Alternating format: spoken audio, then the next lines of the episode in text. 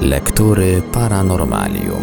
W Radio Paranormalium zapraszamy do spędzenia najbliższych kilkudziesięciu minut z trzecim tomem Księgi Tajemnic i Rzeczy Niezwykłych, wydanym w 1993 roku.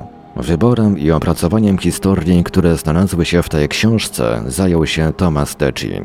Książka, którą z czystym sumieniem można polecić fascynatom tematyki paranormalnej oraz odbiorcom wychowanym na serialu z Archiwum X. Jest to jedna z tych pozycji literackich, które przenoszą nas w inny wymiar. Do światów równoległych, opowiadając o zjawiskach i zdarzeniach, które często zajmują miejsce na półce z napisem trudne do wyjaśnienia. Książkę tę na naszej antenie prezentujemy w odcinkach w całości. Zapraszamy do słuchania.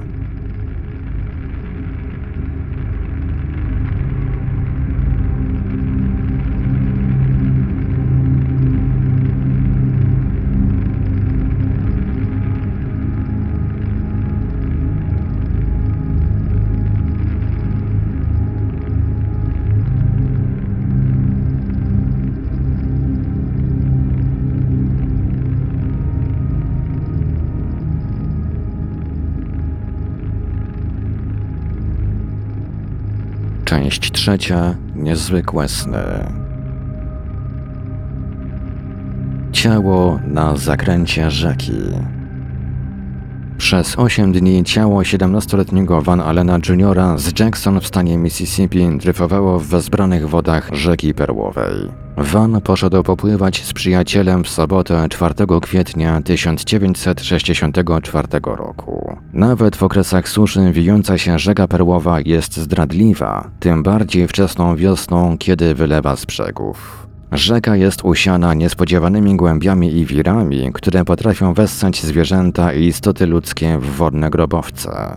Niektóre ofiary nie odnajdują się nigdy, ale Van był młodzieńcem kończącym szkołę średnią i oczywiście odważnym. A jednak został porwany przez wodny żywioł i zniknął w jednej z niezmierzonych głębi. Pomocniczy oddział Straży Pożarnej z Jackson i ochotnicy całymi kilometrami przeczesywali rzekę w dół od miejsca w pobliżu niskiej wieży stacji pomp, gdzie zniknął chłopiec. Pierwszego dnia poszukiwania zostały przerwane przez zapadające ciemności. Później śluzy zbiornika na rzece Perłowej zostały zamknięte dla obniżenia poziomu wody. Jednak ulewny deszcz niebezpiecznie podniósł poziom wody w zbiorniku i władze zostały zmuszone do powtórnego otwarcia śluz. Ekipy ratunkowe miały problem z utrzymaniem łodzi na wodzie, a łódź straży pożarnej nawet wywróciła się w wirze. Dwóch ludzi i ich sprzęt zatonęło w mrocznej głębinie, lecz na szczęście załoga uniknęła śmierci. W następnym tygodniu kilku entuzjastów wiosłowania wraz z ekipami ratunkowymi klubów miłośników pasma obywatelskiego z Jackson i Vicksburga przyłączyło się do poszukiwań.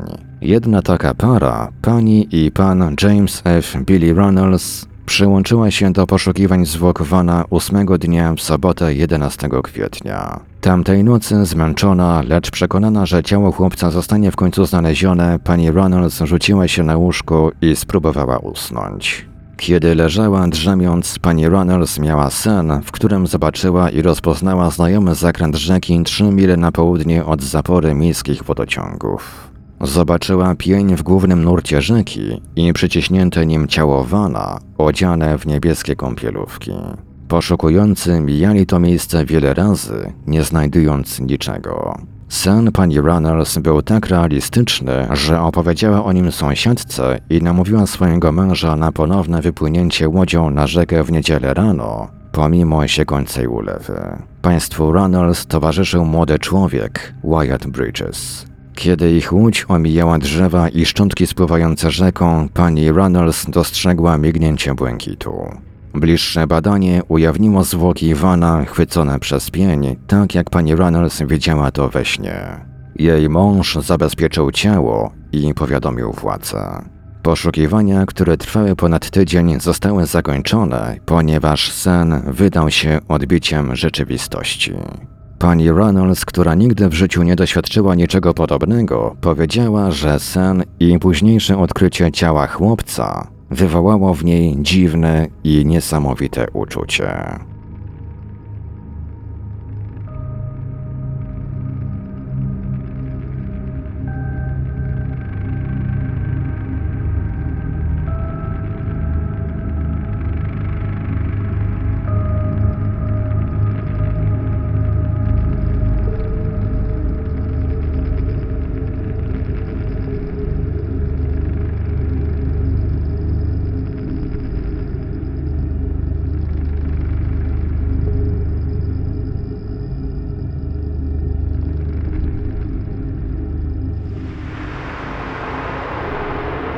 Lektury Paranormalium.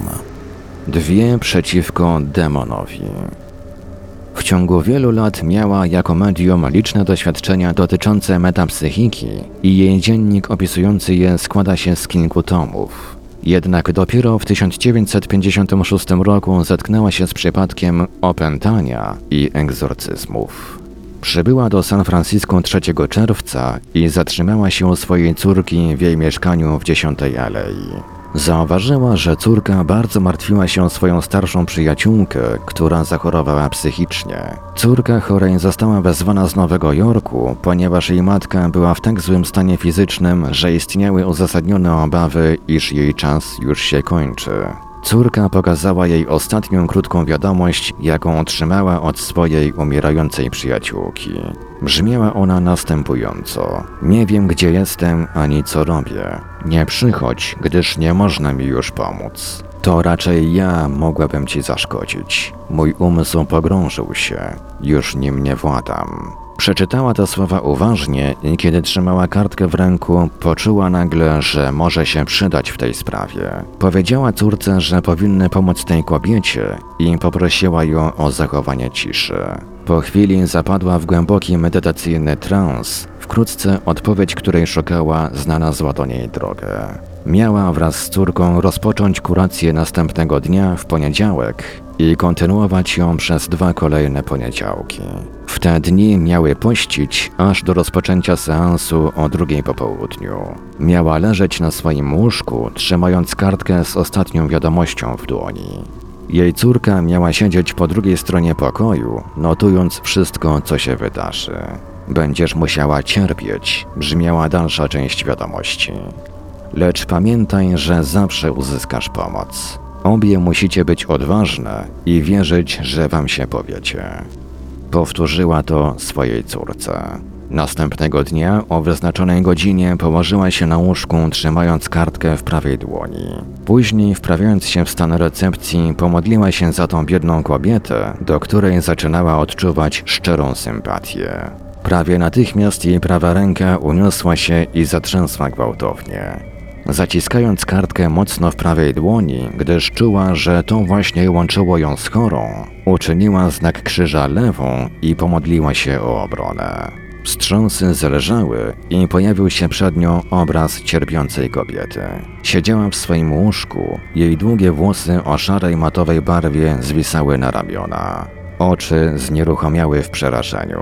Wtedy otrzymała wewnętrzne polecenie, by przeniknąć do umysłu kobiety i zbadać, co ją opętało. Uczyniła to siłą woli i usłyszała dzikie szepty i urywane zdania z groźbami. Nie ma dla ciebie nadziei. To ja decyduję o wszystkim, tak jak przepowiedziałem. Nie ma dla ciebie ratunku. Na dźwięk dzikiej złośliwości, jaką brzmiały te słowa, ogarnęła ją groza i zapragnęła działać natychmiast, lecz wyraźnie słyszała polecenie, by zachować spokój. Błagała o litość dla tej kobiety, lecz w tym błaganiu kartka wypadła jej z ręki i kontakt został przerwany. Zamknęła oczy i opisała córce, co się wydarzyło. Kontynuowały w następny poniedziałek o drugiej po południu, rozpoczynając tę samą procedurę. Ponownie otrzymała słowa otuchy, by nie tracić wiary i pamiętać, że nie były same. Następnie przeniknęła do umysłu chorej kobiety. Tym razem groźby były głośniejsze i bardziej jadowite. Szepty przerodziły się w krzyk. Kazano jej odmówić modlitwę i powtarzać powielekroć zdanie i zbaw nas ode złego. Demon wydawał się nieświadomy jej obecności i przypominał swojej ofierze o pewnych czynach, które popełniła w przeszłości, zwłaszcza o okrucieństwie w stosunku do jednego z dzieci. W tym momencie konająca kobieta dostała okropnych konwulsji i zaczęła rozpaczliwie błagać upiora, by zlitował się lub pozwolił jej umrzeć, bo więcej cierpienia już nie zniesie. Ponownie zapragnęła interweniować i ponownie rozkaz był wyraźny: jeszcze nie, jeszcze nie, wróć do swojego ciała. Całkiem wyczerpana otworzyła oczy i zobaczyła córkę klęczącą, pochyloną nad nią z niepokojem. Z daleka usłyszała głos mówiący jeszcze raz i zwycięstwo będzie twoim udziałem. W czasie następnego tygodnia rozmyślała, przygotowując się do nadchodzącej próby. Jej wysiłki zostały pobudzone, kiedy dowiedziały się, że kobieta jest śmiertelnie chora i nie może dłużej przyjmować kości. Kiedy nadszedł wyznaczony czas, jeszcze raz wróciła do umysłu kobiety. Czuła jej agonalne konwulsje i strach, kiedy demon powiedział: Zabiję twoje ciało i unicestwię twoją duszę. Nagle ogarnęło ją poczucie wielkiej siły i radość, że będzie użyta jako narzędzie do pokonania zła. Przemówiła głośno, zdecydowanym tonem, mówiąc demonowi, że jest bezsilny i nie może odtąd krzywdzić tej kobiety. Córka i ja używamy potęgi dobra i nie możemy przegrać. Upiór, wreszcie świadomy jej obecności, skierował do niej groźby tak upiorne, tak potworne i tak potężne, że zamilkła na chwilę. Próbowała się modlić, lecz słowa nie chciały przyjść. Walka trwała i kiedy łzy i pot zaczęły zalewać jej twarz, wyczuła niepokój córki. Módl się, módl się, krzyknęła zdławionym głosem. Jakby z daleka usłyszała głos córki powtarzającej słowa psalmu Choćbym przechodził przez ciemną dolinę, zła się nie ulęknę, bo Ty jesteś ze mną. Otoczyła je wielka cisza. Wtedy odzyskała głos, cichy i jakby należący do innej osoby. Z łaski Boga zostałeś zwyciężony. Okropnie zgrzeszyłeś przeciw tej kobiecie. Pogrążysz się za to w ciemnościach, lecz dzięki litości i łasce Chrystusa Pana możesz wynagrodzić krzywdy, by skrócić okres kary. Musisz opuścić ją natychmiast, lecz nim odejdziesz, nakazuję ci zostawić ślad w jej umyśle, że nigdy nie była szalona, lecz że jej stan był owocem twych złych intencji. Zapadła cisza. Wtedy zobaczyła kształt schodzący w ciemność bez dna. Kiedy wolno znikał, podano jej te słowa. Znajdziesz pociechę, naprawiając krzywdy tej kobiety. Idź teraz, pamiętając o miłości Chrystusa. Otworzyła oczy i otarła łzy. Trzy miesiące później jej córka spotkała córkę chorej kobiety, którą poznała dwa lata wcześniej. Zapytała o zdrowie matki, dodając, że słyszała o jej ciężkiej chorobie. Dziewczyna potwierdziła, że lekarze nie dawali matce szans na przeżycie, po czym powiedziała, stała się cudowna rzecz. Pewnego dnia była w okropnych konwulsjach, jakby rozdzierana na strzępy, i nagle uspokoiła się, otworzyła oczy i popatrzyła na mnie i pielęgniarkę z cudownym uśmiechem. Już po wszystkim, powiedziała i od tego czasu zaczęła odzyskiwać zdrowie. Córka medium zapytała, kiedy to się zdarzyło, przyznając z wahaniem, że modliła się wraz ze swoją matką o jej zdrowie, stąd jej ciekawość. Dziewczyna odpowiedziała z błyszczącymi oczyma. To było w poniedziałek około drugiej po południu, trzy tygodnie temu.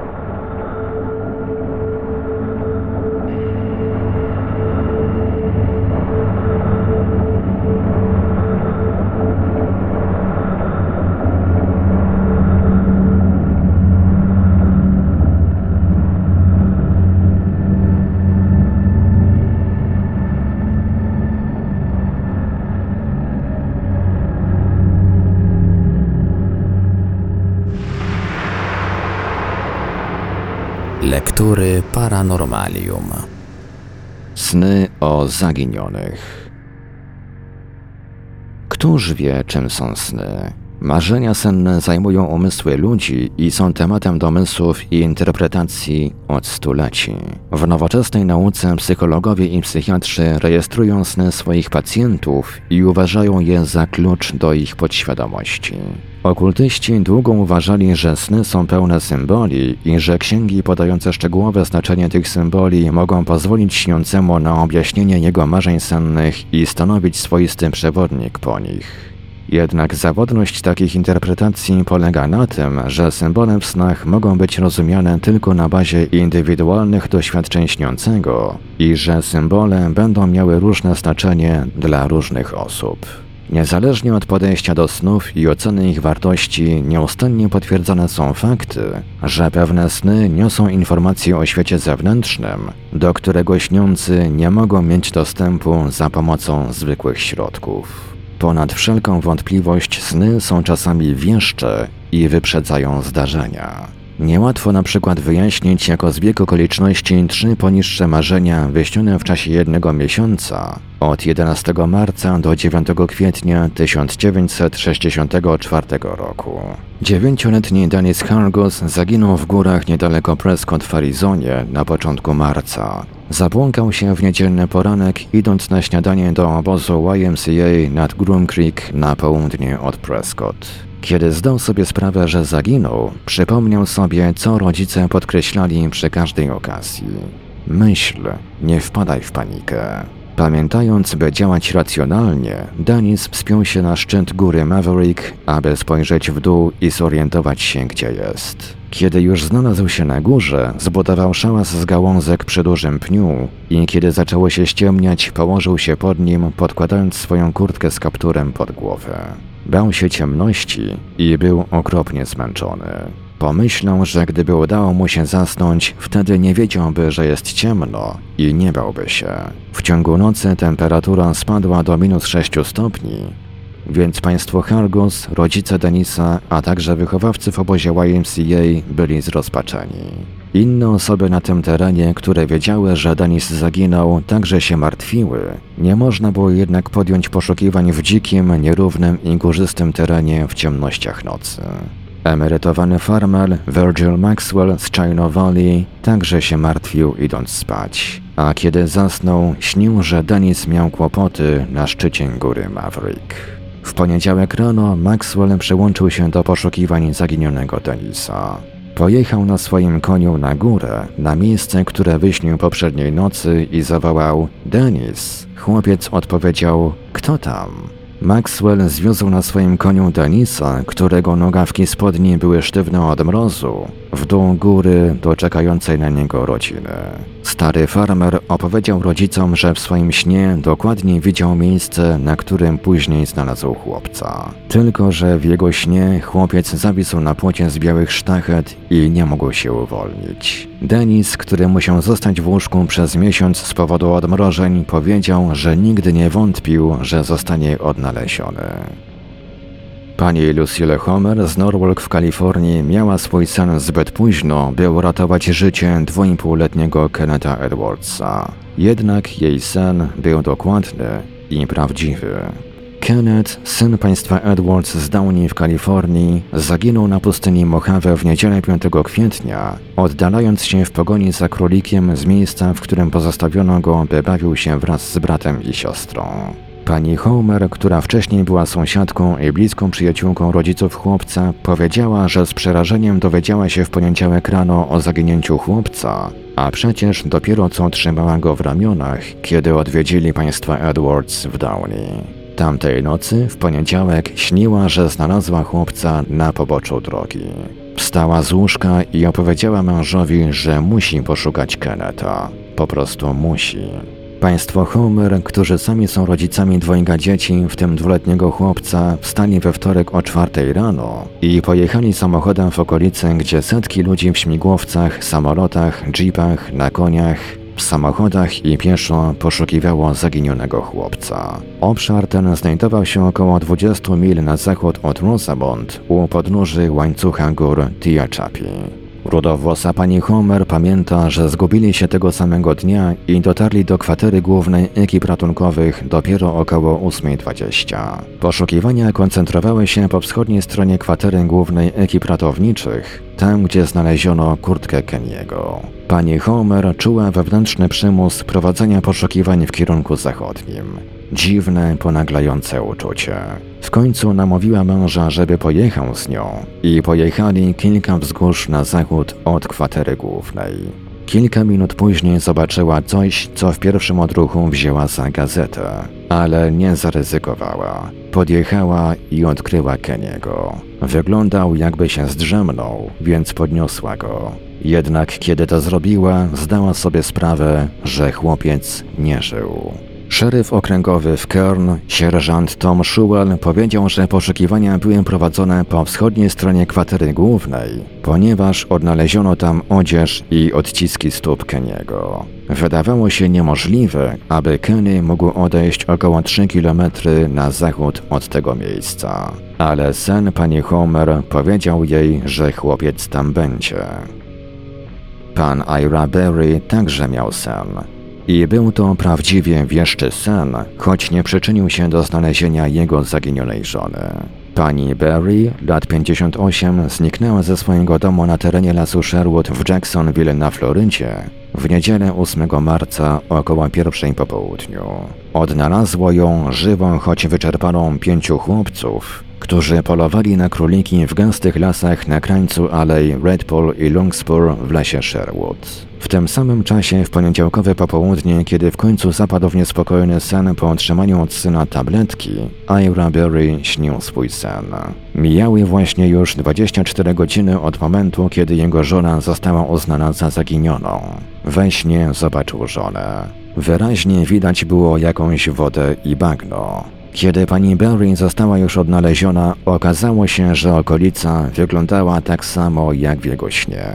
Zięć Berego, Arthur Woodbeck, lat 38, który mieszka razem ze swoim teściem, zabrał go w trzy zalesione okolice, aby poszukał miejsca, które wyglądałoby tak samo jak to, które mu się przyśniło. Jednak żadne z miejsc nie znalazło uznania Berego. Nie, to nie tutaj. Tu nie jest tak bagniście. Lub nie, to nie jest to miejsce. Tu jest za mało krzaków palmy karłowatej. W tym samym czasie policjanci, strażacy, śmigłowce marynarki wojennej, samochody, psy i kilkuset mieszkańców prowadziło poszukiwania przez całą niedzielę, aż do popołudnia w poniedziałek.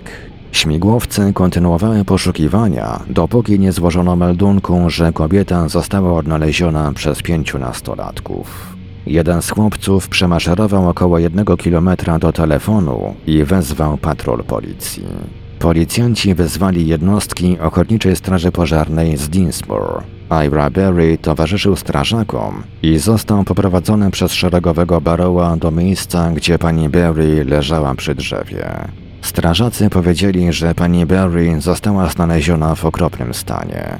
Była brudna i zmęczona, lecz przytomna. Barrow stwierdził, że Barry opowiedział mu, jak będzie wyglądać teren, do którego zmierzali, kiedy byli jeszcze jakiś jeden kilometr od niego.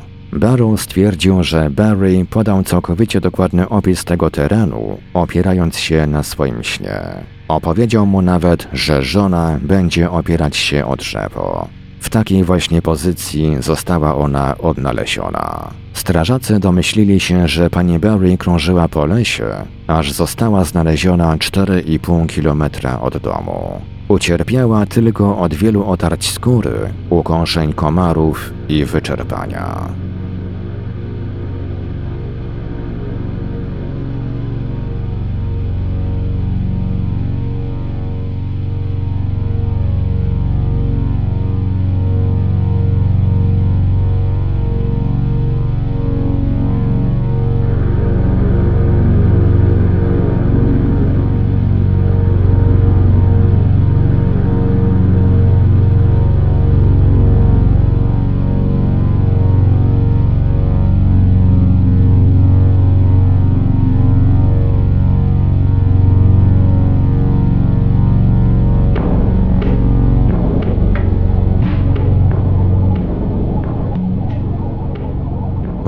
Paranormalium zaprezentowaliśmy fragment książki Tomasa Dagina Księga Tajemnic 3. Dalszy ciąg w kolejnym odcinku Lektur Paranormalium. Archiwalne odcinki Lektur Paranormalium znajdziesz do pobrania w archiwum naszego radia na stronie www.paranormalium.pl.